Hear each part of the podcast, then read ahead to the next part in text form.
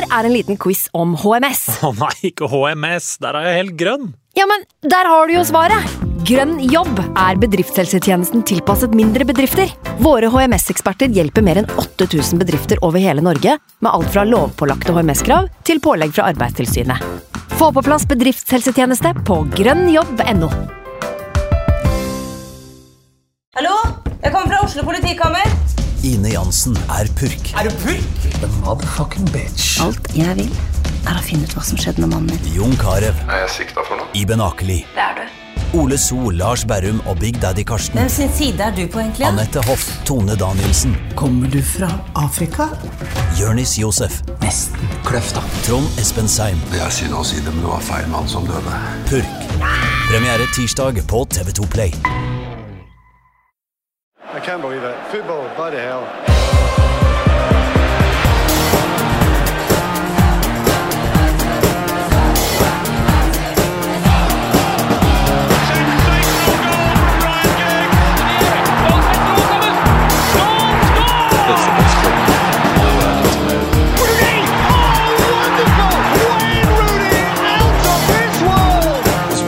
Manchester.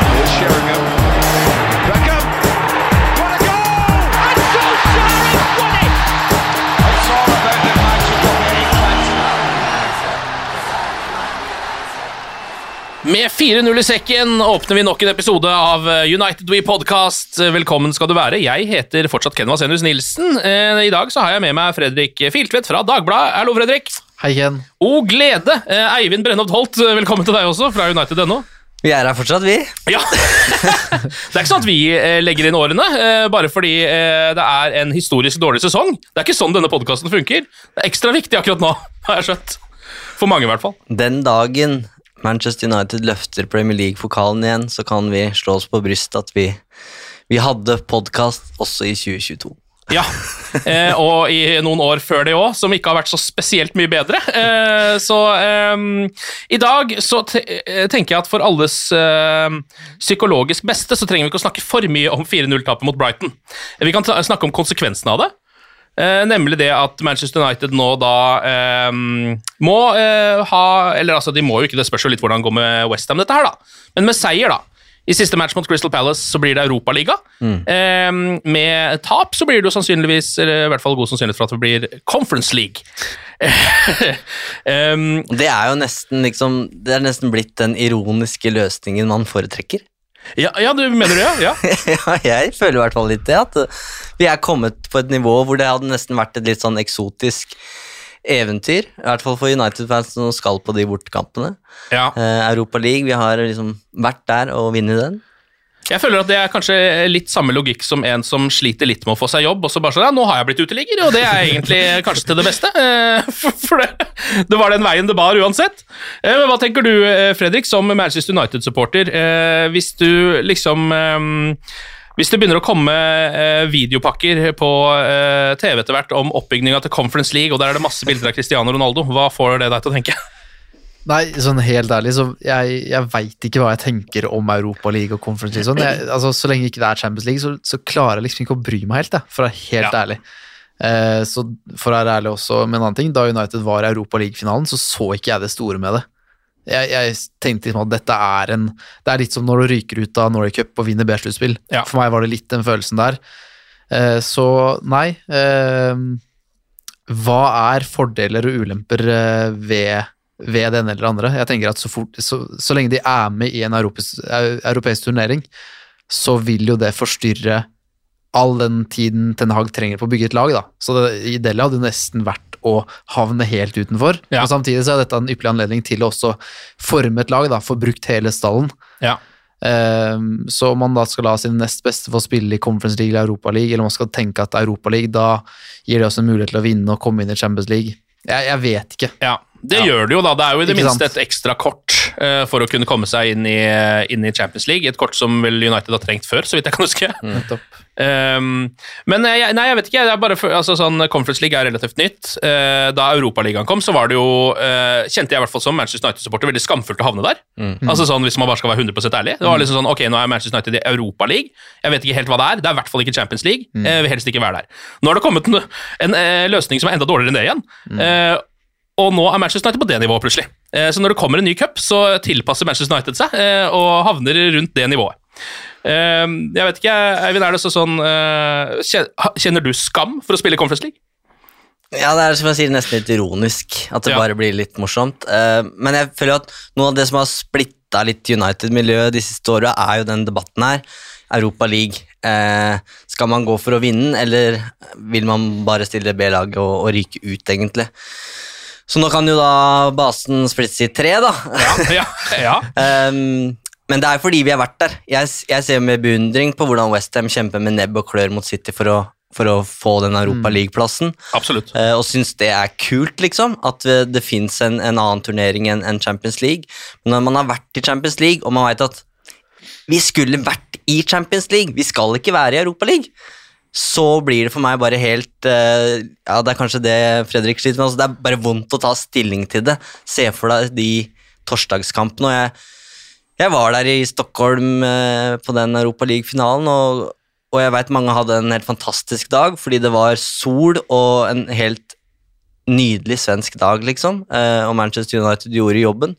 Men for meg så, så, så står ikke det igjen som liksom et av de store, store kampene som, som supporter, fordi jeg følte ikke at Ja, det var ok, Champions League-billetten er i boks, liksom, men at Mourinho vifter med tre fingre og sånn, ja det, Den pokalen betyr ikke så mye for meg, i hvert fall. Um, og jeg synes Problemet med det er at alle sier ja, det er fint med en ekstra, ekstra turnering. Problemet er at det, det blir aldri som vi ofte håper. Altså at man skal matche unggutter og på en måte stille et, et Europa League-lag. Det blir til at man tar den turneringa på alvor. Fordi i august og september så veit du ikke om du er innafor topp fire i mai. Mm. Det betyr at du må ta den på alvor fram til sluttspillet. Og, og sånn er det veldig ofte at ingenting er det er ikke avklart i januar heller, og så går det på bekostning. Så kommer vi til april, og så sier jeg, ja, nå har Bruno Fernandes spilt 50 kamper, og, og så er man i det, og så er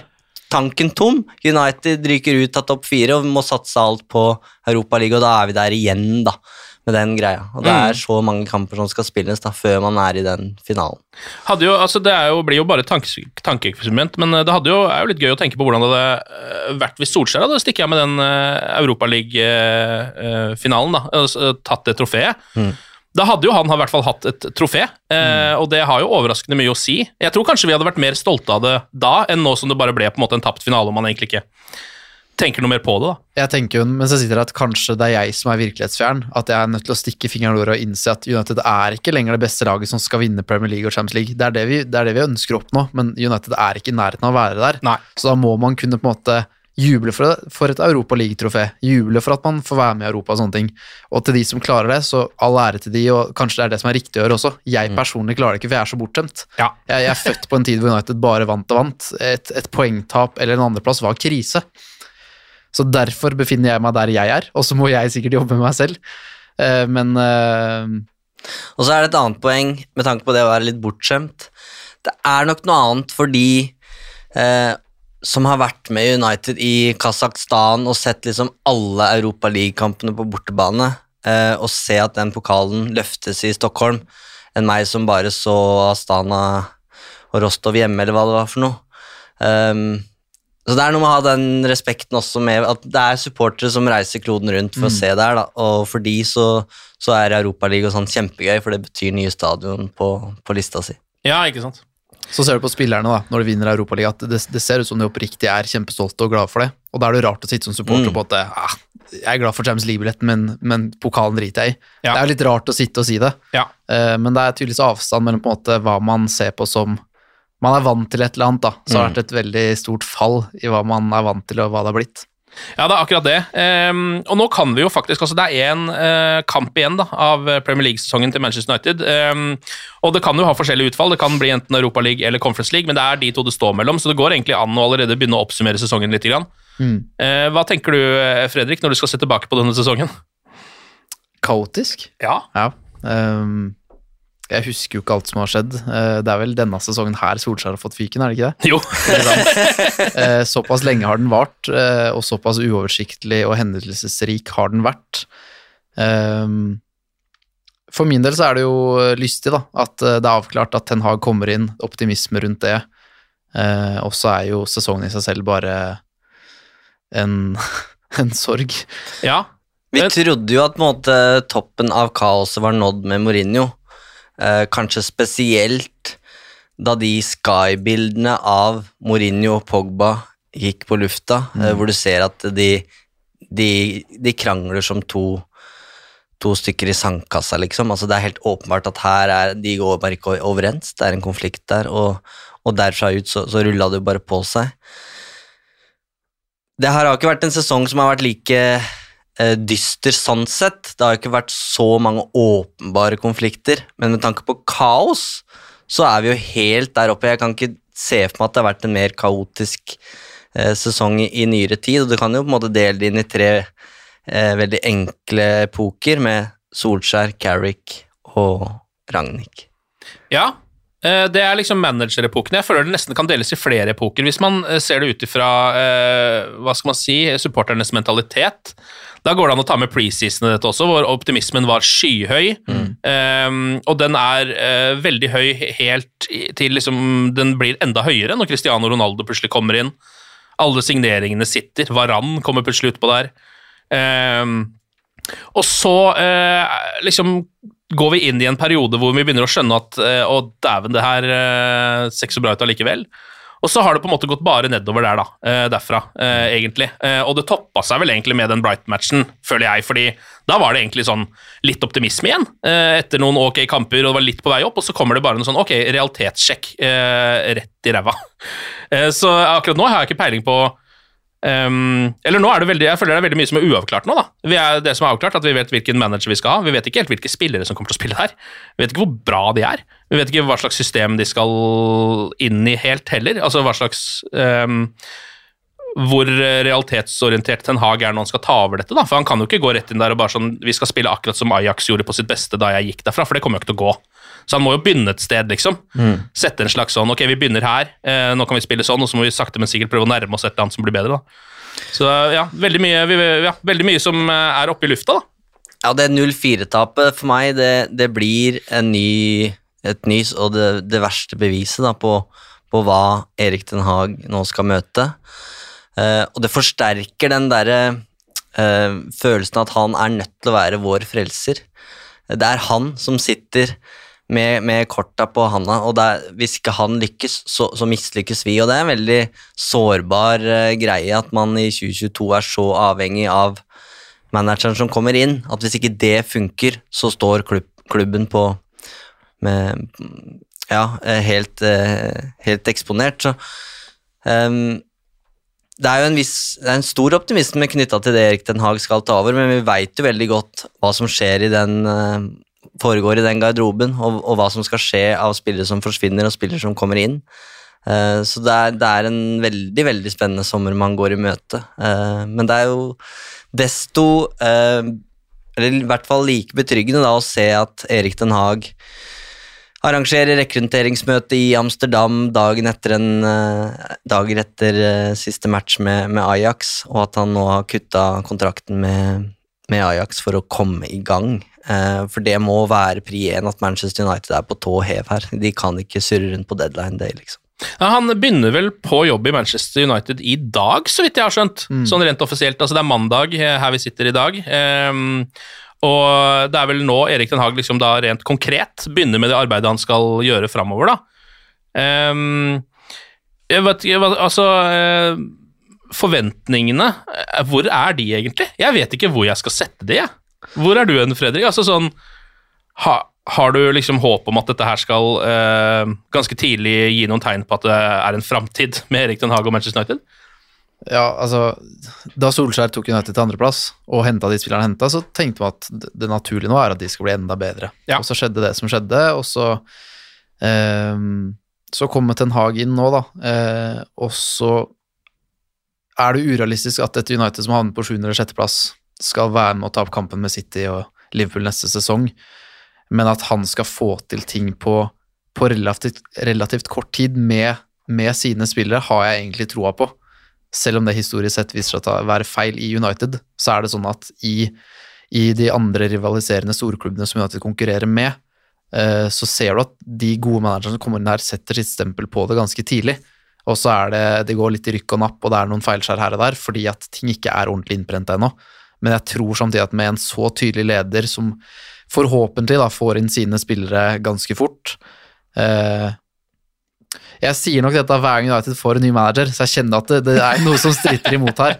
Men jeg har, jeg har så troa på denne signeringen her og den strukt, omstruktureringen dette driver med, som gjør at det er ikke Jeg tror ikke Ten Hag vil stå så aleine den gangen her, da, som en tidligere United-manager har gjort. Så jeg er optimist, men det er jeg det er alltid når vi snakker om de, de neste tre årene. Men jeg, jeg, tror han kan få til ganske mye på kort tid. Si, jeg tror vi vil se ting vi liker veldig godt i løpet av seks måneder, da. Mm.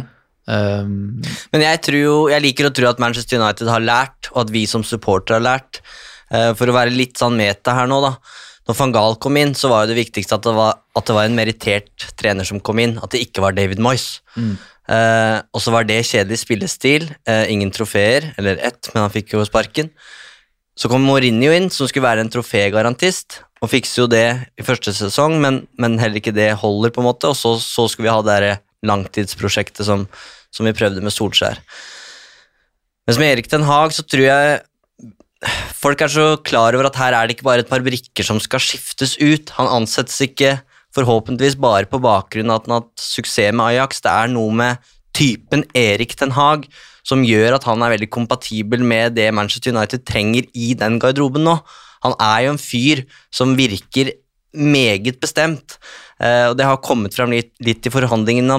Han, han, ville ikke kommet til Manchester United koste hva det koste vil. Han hadde noen helt tydelig, tydelige krav om hvilken makt han skal ha, både med tanke på troppen og med tanke på den sportslige ledelsen han skal jobbe med.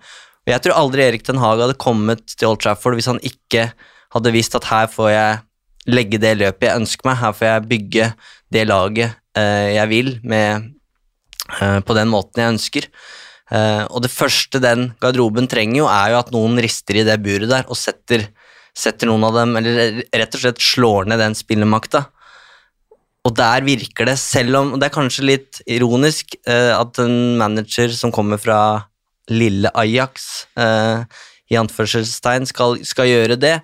Eh, man hadde kanskje trengt en Klopp eller Guardiola som, som, kommer med en viss autoritet, men sånn som jeg som jeg er veldig mye inn på i den Den Haag-spesialen, for nå veit jeg at jeg gjentar meg sjøl, men eh, det er en fyr som, som, eh, som, har kontroll på garderoben, og som ikke bryr seg om hva du heter, eh, hva det står på ryggen din. Hvis du er feil brikke for det laget, hvis du på en måte ikke er en lagspiller, eller du ikke fungerer i systemet han har lagt opp til, da er du ikke en del av det laget. Punktum. Uh, og så får vi se hvordan det går, men det er jo derfor uh, Det er i hvert fall derfor jeg har den optimismen da, før den sesongen, at jeg tror Erik Den Haag er den manageren United trenger akkurat nå. Det er bare å sjekke ut den eh, spesialen om Erik Den Haag hvis du vil vite mer om eh, han. Eh, en glimrende episode, en spesial som ligger ute i ja, der du finner United Podcast, rett og slett. Som Eivind og Bjarte Valen har snekra sammen for oss. Men en ting vi har diskutert mye, hvilke spillere kommer han til å satse på? Eh, for nå har jo United en eh, stall. Det er fryktelig mye spillere som er tilknyttet Manchester United. Noen av de har man troa på som supporter, noen av de har man ikke troa på. Men hvilke er det han har troa på? Hva tror dere? Altså, Hvilke spillere er liksom bankers? Han kan jo ikke bytte ut 30 spillere, så noe må, liksom, noe må bli igjen her. Donny van de Beek. Ja. Han må være bankers. Hvis ikke Erik Ten Hag får det beste ut av av van de Beek på Old Trafford, så er det ingen som gjør det. Da, da kan man ikke skylde på Solskjær eller, eh, eller Ragnhild eller noen. Så. Men tror du han tar sjansen selv, Erik Den Haag, når han har sett Donny van de Beek spille de siste par åra? For det har jo ikke vært bra, det heller. De gangene han har vært på banen. Han har blitt brukt feil, sier mange, osv., osv. Men det er en spiller som har bygges opp, det er det nok ingen tvil om. Nå kommer han jo også fra et Everton-utlån som heller ikke har vært uh, vellykka. Um, så jeg, jeg, jeg, tror nok ikke det er eh, Jeg tror ikke Ten Hag nødvendigvis har uh, van de Beek i startoppstillinga nå til sin første seriekamp. Det er nok, han må nok bruke sommeren for å se hva slags Donny er det jeg skal jobbe med her. Men at han har en plan for han i stallen, mener du da egentlig? Ja, jeg er helt sikker på at han får sjansen i sommer til å vise seg fram, uh, og hvis det er bra nok, så, så er van de Beek bankers på det laget, det er jeg helt sikker på. Eh, Cristiano Ronaldo kan det virke som eh, at eh, Ten Hag er en sånn ok stor fan av. I hvert fall hvis man skal stole rapportene. Virker som han skal være med videre. Ja, han har sagt det at han er eh, Jeg husker ikke helt hvilket ord han brukte, men Erik Den Haag eh, gikk i hvert fall langt i å antyde at han eh, skal Altså, han brukte ordet 'han er en gigant', Mm. eh, og at Cristiano Ronaldo dermed er en del av det, det laget, virker naturlig, så slipper vi å ta stilling til det. ja. Eh, han har jo egentlig, eller det er vel ikke han som har sagt det, men det har kommet noen rapporter om at det liksom Det som skal inn, er to sentrale midtbanespillere, en stopper og en anvendelig angrepsspiller, er det som har blitt brukt eh, som uttrykk. Og at det kanskje også kan gjøres forsøk på å hente back eh, og også en keeper, men at det spørs litt på ja, hvem som stikker osv. Vi kan jo se litt på det. altså eh, De spillerne som rett og slett forsvinner nå rimelig sikkert, da. det er jo greit å ta en runde på det også. Paul Pogba, han går. Juventus Ikke til City. Ikke til City. Eh, ser det ikke ut som nå, iallfall. Det er vel Juventus som snuser mest på han. Eh, Jesse Lingard, Nemanja Matic, Juan Mata, Cavani og Lee Grant ser også ut til å stikke nå for kontrakten deres går ut nå aldeles straks, i juni. Og så vil jo Bailly og Phil Jones også ut. Eh, vet, det vet vi ikke noe mer enn det. Dean Henderson vil vel se an om han kommer til å få spille fast. Gjør han sannsynligvis ikke, tror jeg. Når du har liksom en keeper som eh, fortsatt er på nivået som David Hea er på. Um, og så er det jo da Antony Marcial som kommer tilbake fra lån og sannsynligvis skal legges ut for salg, så vidt jeg har skjønt. Uh, Van Bissaka liksom, vet man ikke helt med. Kan forsvinne, kan bli. Um, så det er liksom de vi vet at han ikke kommer til å sannsynligvis satse på, da, egentlig, kan man vel si.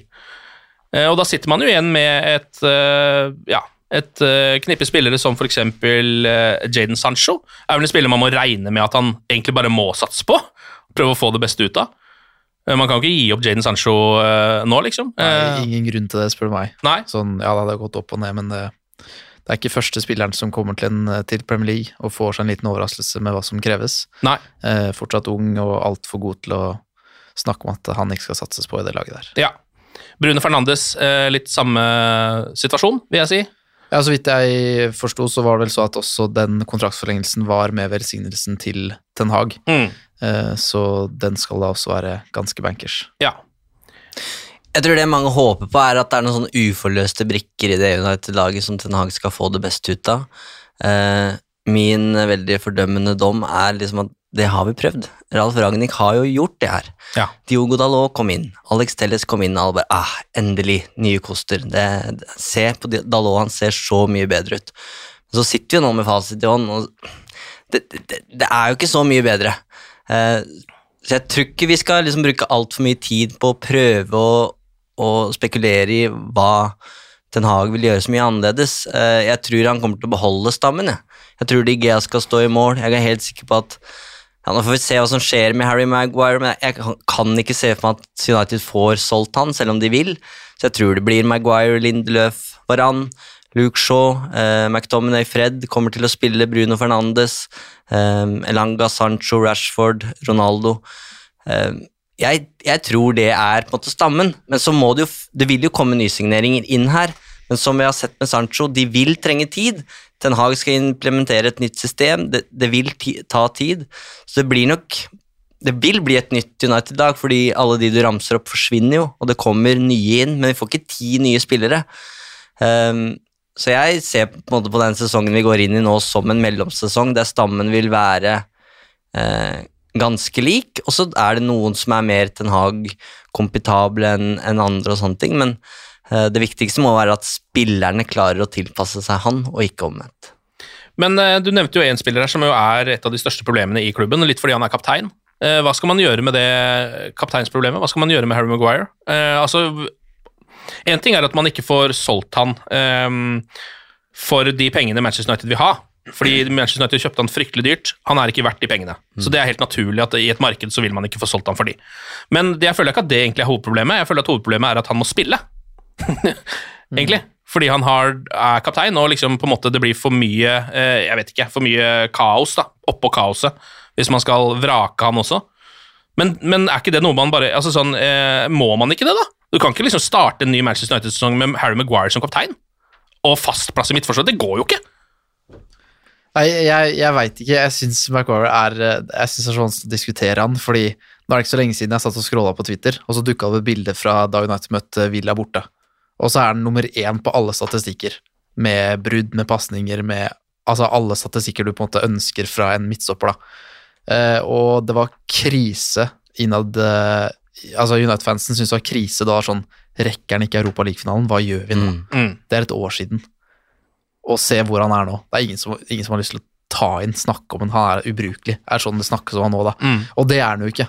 Men Maguire uten selvtillit, og der han befinner seg nå, er han kan ikke spille, han kan ikke være kaptein. Men jeg tror at Maguire med og hans grunnferdigheter egentlig passer veldig godt inn i Ten Hag sin spillestil. Han, grunnen til at jeg elska han i Hull og i Leicester, var jo måten han brukte ballen på. Forserte gjennom ledd, slo crosserne, var tryggheten selv. Så Maguire med selvtillit er jo fantastisk, men du kan ikke være så dårlig i et år. Det går ikke, det er totalt uakseptabelt, så det tror jeg alle er enige om. Men det er en god spiller der, selv om kanskje ikke matchen er god med et høytstående United og masse bakrom, er riktig. Men gi han en keeper som står høyt på 25 meter, da, og, ta, og tar unna det. så at Maguire tør å, Det er så mange sammensatte problemer her som gjør at Maguire også spiller svak. Ja. Og så har han hovedskylda selv, for all del. Men han er en del av et lag som ikke fungerer, og kanskje er han den som burde få det laget til å fungere i enda større grad. Og så er han en akilleshæl selv. Men jeg nekter å gi opp han. Jeg, jeg nekter. Ja. Da, ja. Hva tenker du, Eivind? Jeg har gitt den opp litt. Eh, problemet syns jeg er at det er ikke Victor Lindeløf det er snakk om, som skal spille i elveren når han er i form, og være backup når han ikke er det. Det er jo kapteinen til Manchester United som skal gå foran, og det har vært så mange av de eh, situasjonene nå hvor han hvor folk er skeptiske, og han ender opp med å være involvert med negativt fortegn i et baklengsmål. Eh, det handler jo ikke nødvendigvis om at jeg ikke har tro på Maguire, for det kan jeg ha. Men jeg tror at i en klubb som Manchester United, så kom, du har på en måte Du kommer til et punkt der det er no point, eh, point of no return. Mm. Og der jeg tror faktisk Maguire har kommet dit. Det betyr ikke at han forsvinner i sommer, men jeg har vanskelig for å se for meg at eh, hvis han strippes fra det og mister det kapteinspinnet, så, så, så ser jeg ingen vei tilbake, fordi du blir på en måte bare slukt. Mm. Og det er litt det som har skjedd med Phil Jones, Erik Bailly, de her som, som ja, Phil Jones er jo det beste eksempelet, på en måte det evige talentet som aldri her nådde helt den høyden vi hadde trodd. da. Jeg tror den eneste muligheten for Maguire er at han beholder tilliten. Han får faktisk beholde kapteinspinnet videre. Det tror jeg vil få sterke reaksjoner. Det vil sette ekstra press på Ten Hag og United. Da har han på tatt allerede et kontroversielt valg. Eh, men hvis han leverer da fra dag én og klarer å spille seg inn igjen, så, så glemmer vi fort, som du sier, Fredrik. Vi, vi, eh, vi trengte noe i den Europa League-finalen, så det er ikke mer enn et år siden. Eh, Så det kan godt hende vi sitter her om et år og, og hyller Maguire som en solid kaptein som, som fant formen igjen, altså. Men Ja. da må det skje umiddelbart. Ja, for det er for lenge å være dårlig et år, og, og de mekanismene du snakker om nå, det er jo selvfølgelig helt sentralt her. For en ting er hva jeg tenker, men du får jo følelse av at medspillere også er oppgitte. Medspillere har mista troa. Mm. Eh, han selv har mista litt troa. Fansen har vendt seg mot den, nærmest. Eh, og de mekanismene der, da, da nærmer deg noe som heter point of no return. Jeg er helt enig i det.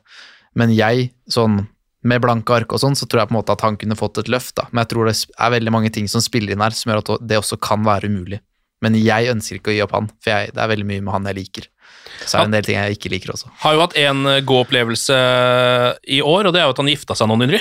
Så vi kan kan jo ta med det. Det Se, se hvordan han spiller for England. Det er jo en annen spiller. Det er nettopp det. Det er det, og det er jo en av de tingene um, en av de tingene Ten Hag må prøve å finne ut av, og det er vel en av de tingene han har pinpointa selv òg. Hvorfor er han bedre for England enn for Manchester United? Og hva skjer med Marcus Rashford? Det er på en måte, det er to ganske store eh, problemer. Det er to av Uniteds aller største spillere, faktisk. Han er ikke topp, da. Nei, Der er jeg litt på helt andre siden av, av krisemaksimeringsskalaen. Han har hatt en fryktelig sesong. Det, det var et eller annet som skjedde med det tretthetsbruddet. Eh, Det kom på et kjipt eh, tidspunkt, og det er så mye som har skjedd på veien her at det har vært vanskelig for Rashford å komme inn i det igjen. Eh, Men nå, jo, eh, nå legger han jo selvfølgelig de, de tyngste månedene i sin fotballkarriere bak seg, og så må det bare trykkes på restart. Men jeg, jeg, håpet mitt er at der bor det en fotballspiller, og det, det handler bare om å få, få litt hvile nå og summe seg og, og komme tilbake igjen til å være den direkte gode kantspilleren han var i ferd med å bli. Um, men i, i verste fall så er det jo en, enda en spiller som pika tidlig, og dermed også forsvinner tidligere enn det vi hadde trodd. Hvis eh, Harry Maguire skal strippes for dette kapteinspinnet, da, la oss si at det er avgjørelsen til Erik Den Haag, eh, etter at han har sittet og eh, satt plusser på den ene siden og minus på den andre siden, hvem skal få det da? Bruno Fernandes? Ja. Jeg syns det er den åpenbare kandidaten. Um... Ja, jeg, det er eneste navnet jeg, jeg liker ikke den sånn 100% men det er jo det mest opplagte. Og det tvinger også han til å måte legge fra seg litt det kroppsspråket. Du føler at han tar en, et annet type ansvar når han har det bindet. At Mm. der han sutrer og blir vrang og en vrien medspiller, så føler jeg at han klarer å bevare oppførselen i større grad da, når han har det bindet rundt armen. Og det Alle er tjent med kravene han stiller, men kanskje ikke alltid måten han gjør det på. Mm. Eh, Så jeg liker jo jeg liker veldig mange av de lederegenskapene han har. husker dere da United bytta manager hvert tiende år? Nesten ikke, egentlig. Det var ikke så mye diskusjon da, da Roy Keane skulle erstattes som kaptein, liksom, og Vidic kom der etter hvert, og det er liksom noe med kontinuiteten som er helt borte.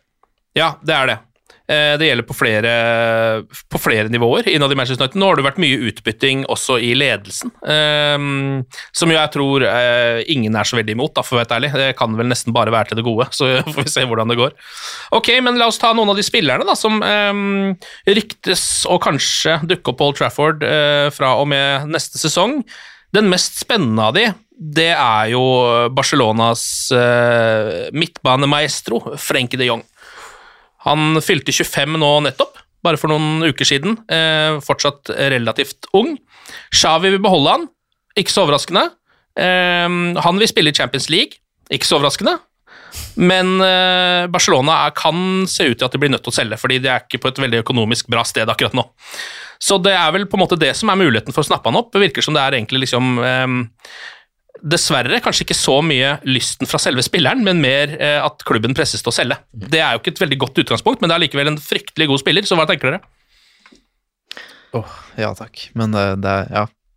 Det er en sånn 'dette er for godt til å være sant'-overgang. Eh, og ikke det nødvendigvis fordi Frenkie de Jong er verdens beste midtbanespiller, men det er et kupp som du ikke hadde sett for deg. Det er en grunn til at Manchester City og mange andre Champions League-klubber også står i den køen.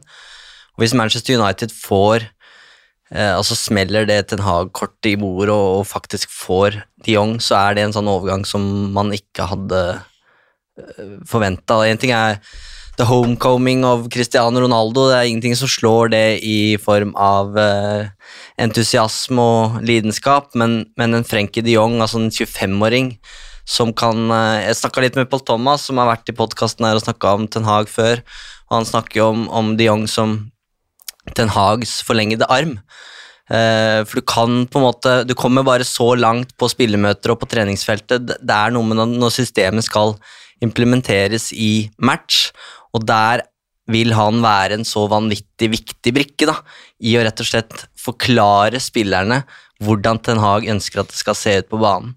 Um, og sånn sett så I en ideell verden i hvert fall, så er det en brikke som kan gå rett inn på det United-laget og, og gjøre en veldig stor forskjell. da. Gjøre rett og slett at det Ten Hag ønsker å få til på banen, vil være synlig mye raskere. Mm. Så får vi se eh, hvor realistisk det er. Det virka, Til å begynne med Da ryktene kom, så virka det som det nesten var litt sånn småbankers. Eh, altså at det var i ferd med å skje. Så har vel det blitt litt eh, trukket tilbake igjen, nesten, eh, etter hvert. At det er fortsatt en stor jobb som skal gjøres her. Det er andre klubber som kommer til å komme på banen osv. Så, um, så da er det vel uh, i så fall Erik Den Haag, tror jeg, da, som er det, ja, det kortet som United må trekke ut av, av ermet for å få uh, Frenkie de Jong. Um, men en, en, ja, en av de beste midtbanespillerne i Europa, vil jeg si, så uh, det hadde vært helt rått å få han inn der. Ja, det hadde det. hadde det. Og så syns jeg ikke det er så rart at de her eh, kommentarene fra Xavi kommer ut. Om Det er vel andre gangen han har liksom sagt at 'jeg vil beholde Frenkie de Jong'. Og det tror jeg er mer en melding til, eh, til Barcelona-styret enn til Manchester United og alle de andre. For jeg tror Xavi vil beholde de Jong, men det er jo ledelsen som, som ser seg nødt til å De må selge noen i sommer, Mm. eh, og da er nok kanskje de Jong et av de, de spillerne de kan tjene mest på. Nå har Coutinho gått til Aston Villa, de får 20 millioner inn der, men de trenger mer.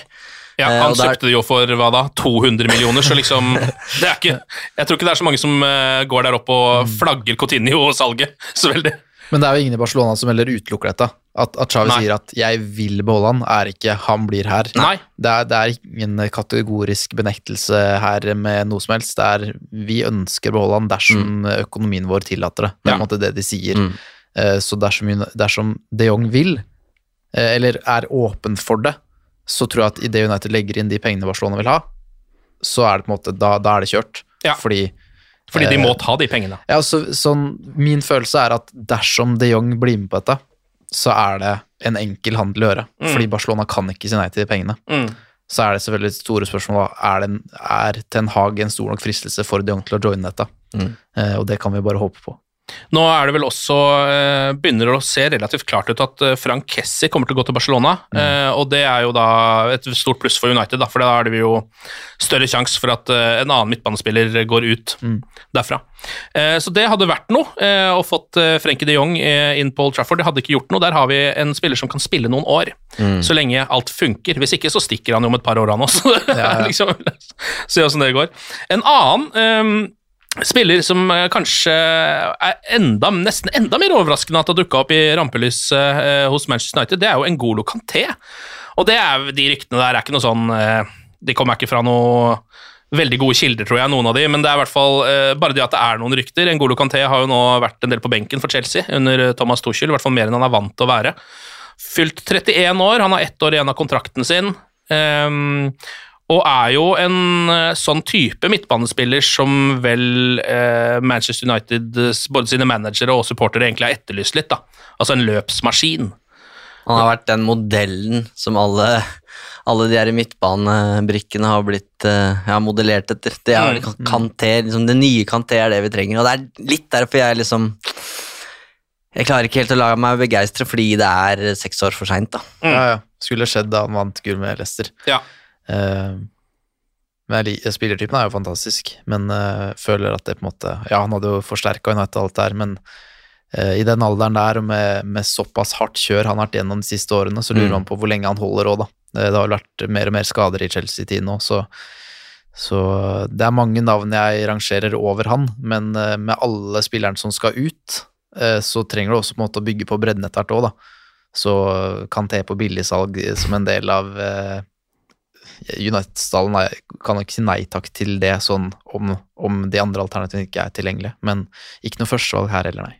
Et annet alternativ er jo Calvin Phillips, som jo blir mer og mer realistisk ettersom det kan se ut som at Leeds kanskje rykker ned. Mm. Det må vel være, Jeg føler at det nesten er et must da, for at han skal gå, i hvert fall til Manchester United, for jeg tror han er såpass Leeds-gutt Mm. at det er vanskelig for han å gå til en rival som Manchester United, eh, med mindre han liksom, ja, med mindre Leeds rett og slett rykker ned. da. Men nå er det jo det det ser ut som de kanskje kan gjøre. Han har vel skaffa seg en ny agent for å få i gang eh, noe rundt overganger, eh, for å liksom ha et alternativ i tilfelle Leeds skulle gå ned. Hva tenker dere om selve spillertypen? Eh, Leeds har jo ikke vært spesielt imponerende i år, så jeg har liksom heller ikke sett Calvin Phillips på sitt beste på en stund. Skeptisk. Ja, du er skeptisk, ja? Ja, jeg, nei, jeg syns Callum Phillips er god, men uh, jeg er veldig usikker da på om han vil for Hvis Leeds rykker ned, så er det flere enn United som står klare. Uh, og jeg bare Sånn som jeg tolker det, så, så virker den uh, det Leeds-hjertet hans det banker ganske hardt, så jeg er veldig usikker. Det, det, er, det vil komme reaksjoner. Jeg tror det forholdet til Leeds ødelegges hvis han går til United, faktisk. Ja. Um, og så finnes det en del andre Nei, jeg, jeg veit ikke. Jeg vet ikke om han er villig til å ta sjansen selv. Det er, eh, det er spesielt, de greiene der, altså. Eh, Det er jo at fansen knapt bryr seg om Leeds lenger. Mm. For å sette på spissen, så er det eh, Med det hjertet han har og oppveksten han har, så, så er jeg ikke sikker på om han tør. Selv om Nei. det helt sikkert er pirrende dersom Leeds eh, rykker ned. Uh, og så er det litt sånn for min del, så de jeg snakker med sånn Jeg har noen kompiser som er Leeds-supportere og sier liksom at ja, han er mer enn god nok, det er klassespiller, liksom, må ikke lure på det. Så er det litt sånn der jeg har drømt om Declan Rice, da, så er det et åpenbar, en åpenbar nedgradering da, fra Rice til, til Phillips, og jeg mener at midtbaneposisjonen er den posisjonen United har størst behov for å virkelig forsterke, og da kan man ikke hente en som er litt bedre enn McTominay. Det må være klasseforskjeller da, hvis United skal ta opp og være en reell utfordrer innen et, noen års perspektiv. Eh, og da veit jeg ikke om, om Phillips blir en sånn hovedbyggebrikke der, så tror jeg ikke på en måte Så er jeg ikke så veldig fan av det. Nei. Det må være Frenkie og en klassespiller til, da, som Declan Rice og Frenkie. Da begynner vi å snakke, liksom. Men Ja. jeg, jeg veit ikke helt om Det er hylla under. Det er jo det. Declan Rice vet vi ikke så mye mer om. Han har jo vært i ryktespaltene eh, lenge. Han eh, blir dyr hvis han skal komme. Det er mange som vil ha han. Det er vel det man egentlig vet. Fremstår urealistisk per nå. Og så er det ingen tvil om at United har veldig veldig lyst på han, men eh, de kunne knapt hatt dårligere kort på hånda enn det de har nå. Ja, det er akkurat det. Ehm, vi kan også ta med oss at eh, Cristiano Ronaldo blir kåret til månedens spiller i Premier League eh, for april. Eh, han vant jo også for september. Og med den sesongen Manchester United har hatt, så er det helt utrolig at en spiller derfra har vunnet eh, to månedens spillerpriser, egentlig, i Premier League. Um, det sier også litt om hvordan formen til Cristiano har vært, for den har vært sånn at når han først er i form, så er han i så sinnssyk form, og så er han i litt dårlig form i en periode, da. og så er det sånn det går, men herregud, Kisen er jo snart 40. Så sånn må det vel bare være. Ehm, ta litt sånn små nyheter på tampen. Vi kan jo ta en ting som er forbanna hyggelig, da, nemlig at eh, Manchester United eh, jo vant et trofé denne sesongen eh, med U-laget sitt.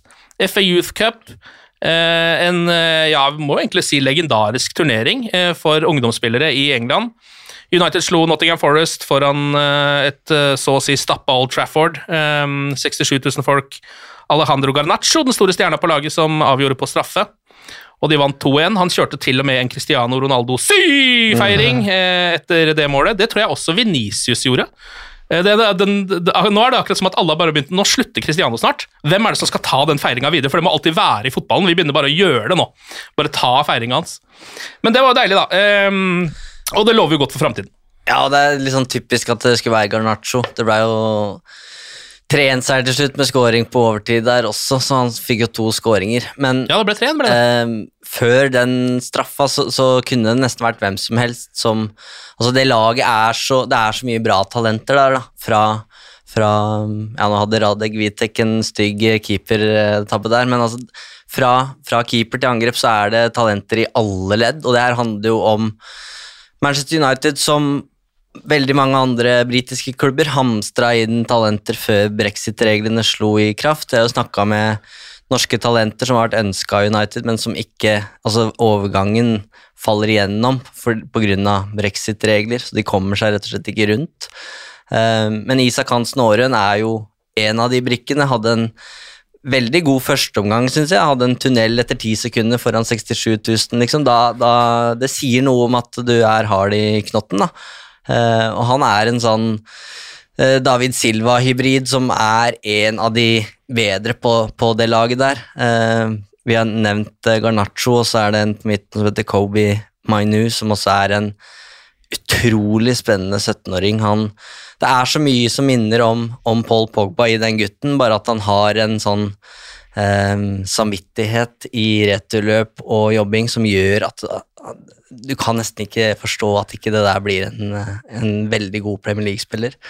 Eh, Og så er det sånn klassikeren at man skal, tror at hele Class of 2022 skal opp her og spille Premier League om to-tre år. Sånn blir det jo ikke. Eh, eh, Tvert imot så viser jo historien at det er én fra hvert lag som slår igjennom. Men eh, her er det veldig gode muligheter for at det i hvert fall er én, da. Eh, akkurat nå så virker det kanskje som Garnaccio er nærmest, men det handler jo nesten like mye, vil jeg si, som at han har vært på landslagssamling med Messi og får oppmerksomhet og har debutert eh, for Chelsea og sånn, men det er jo en Han var jo ikke med i den matchen her, men Alvaro Fernandes eh, Ja, han ble vel årets spiller på U-laget der, så vidt jeg skjønte.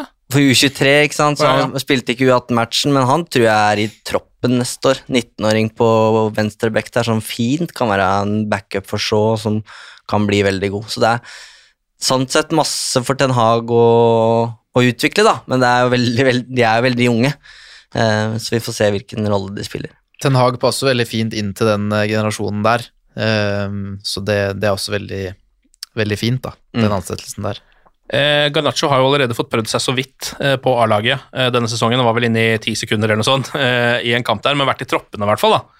Eh, innimellom, Så han kan vel også ha et slags håp om å se eh, Paul Trafford i løpet av eh, sesongen som kommer. Eh, ellers så ser de nye draktene bra ut.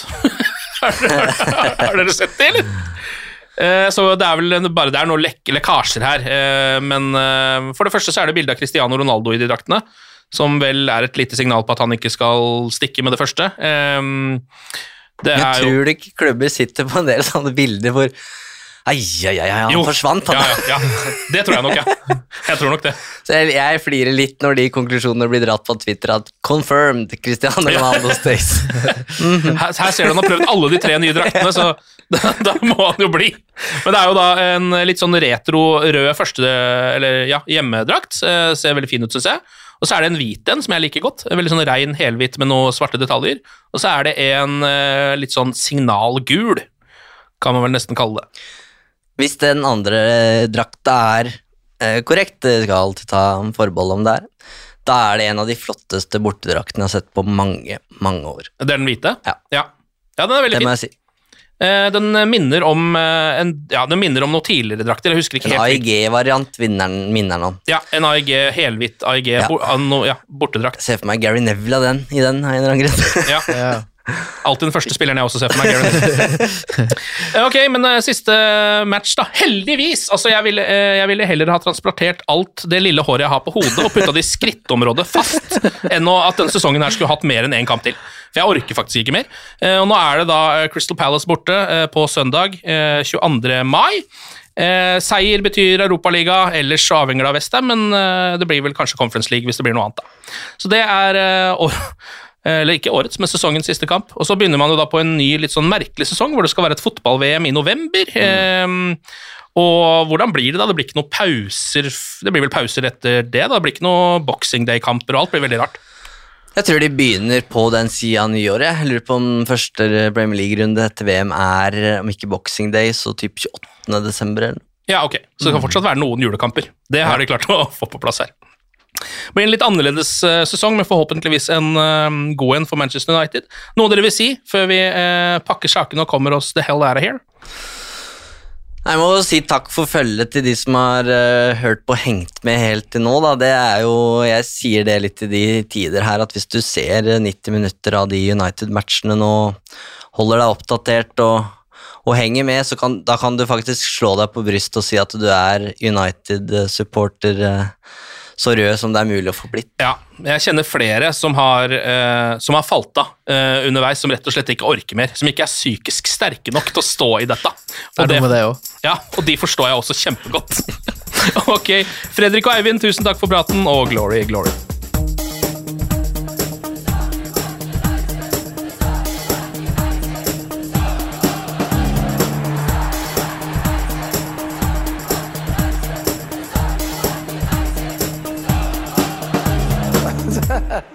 It's true.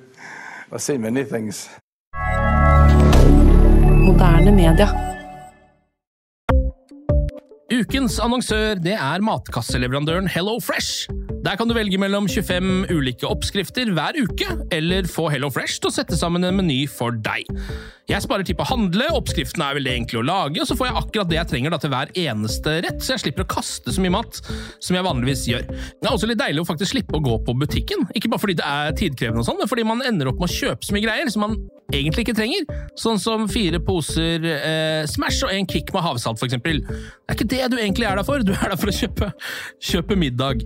Så det er en veldig eh, kjekk ting. I tillegg så er det jo eh, ferdigporsjonerte ingredienser, det blir mindre matsvinn, og du betaler bare for det du faktisk trenger, og det du faktisk da spiser. I tillegg så blir det da levert på døra eh, til et fastsatt tidspunkt, sånn at du kan få det akkurat når det passer for deg eh, sjæl. Hvis HelloFresh høres ut som noe for deg, så har jeg en rabattkode du kan bruke også. Gå inn på hellofresh.no og bruk koden HelloUnited24. HelloUnited i ett ord, også 24, og få opptil 1779 kroner i rabatt på de fem første matkassene dine hvis du ikke har prøvd Hello Fresh ennå. Du kan også bruke koden hvis du tidligere har vært kunde, men har stoppa abonnementet ditt for tolv måneder siden eller mer. Det er ingen bindingstid, og du kan pause eller avslutte abonnementet ditt akkurat når du selv måtte ønske. Husk koden HelloUnited24, og bon appétit! Ukens annonsør er Folio, en smartere banktjeneste for deg som har en egen bedrift eller ønsker å starte for deg selv. Folio er en superenkel nettbank for bedrifter. Som kunde i Folio får du en bedriftskonto med et bedriftskort og app. I denne appen er det smarte løsninger som forenkler regnskapet ditt, uansett om du har en liten bedrift eller et enkeltpersonsforetak. Folio er både intuitivt og brukervennlig, og er laget med et enkelt språk. I tillegg tilbyr de forutsigbare priser og ingen skjulte gebyrer. Skulle du likevel trenge det, så kan du snakke med deres raske og hyggelige kundeservice, og der får du prate med en faktisk person og ikke en chatbot. Folio er med andre ord både enklere og koseligere enn banken. Over 10 000 bedrifter har allerede valgt Folio som sin banktjeneste, så besøk folio.no og se hvordan Folio kan forenkle din hverdag også. Har du et enkeltpersonforetak eller en liten bedrift? Da er du sikkert lei av å høre meg snakke om hvor enkelt det er med kvitteringer og bilag i fiken, så vi eh, gir oss her, vi. Fordi vi liker enkelt. Fiken superenkelt regnskap.